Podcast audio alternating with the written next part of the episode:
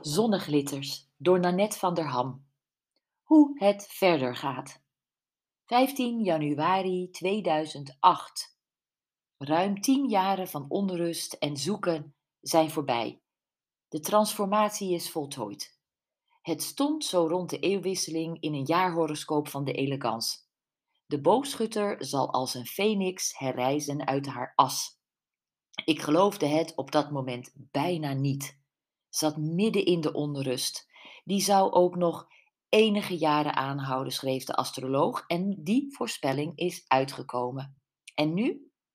Ik ben uit loondienst gegaan en mijn eigen wellnesspraktijk begonnen. Ben blijven schrijven, hetgeen in diverse publicaties uitmondde. Rick, Roos en ik zijn verhuisd naar een huis met een tuin en een eigen grote kamer voor iedereen. De liefde tussen Gerard en mij overwon uiteindelijk alles en we zijn eind 2007 getrouwd. Vorige week is hij bij me ingetrokken. Rick en Roos riepen geschrokken. We hoeven toch geen papa te gaan zeggen, hè? Nee, lieverds, dat hoeft niet. Hun vader woont nu iets verder weg dan 120 stappen, maar is en blijft hun papa.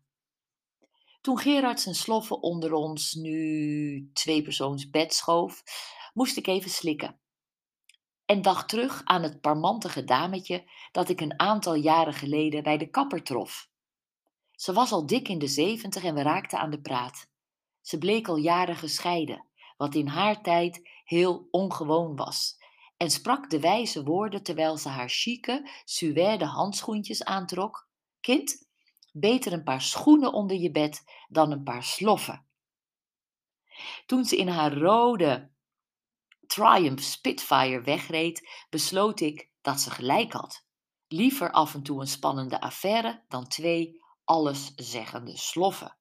We zijn zes jaar verder. In de eerste week samen in één huis hadden Gerard en ik al een paar pittige discussies te pakken. Over de hoogte van de thermostaat, de televisiezenderkeuze en over joggingpakken. Niets dat een flinke dosis humor, relativeringsvermogen en vooral liefde niet kan oplossen. En liefde voel ik als ik een rood en blauw ringetje om de nu twee elektrische tandenborstels op het badkamerplankje schuif.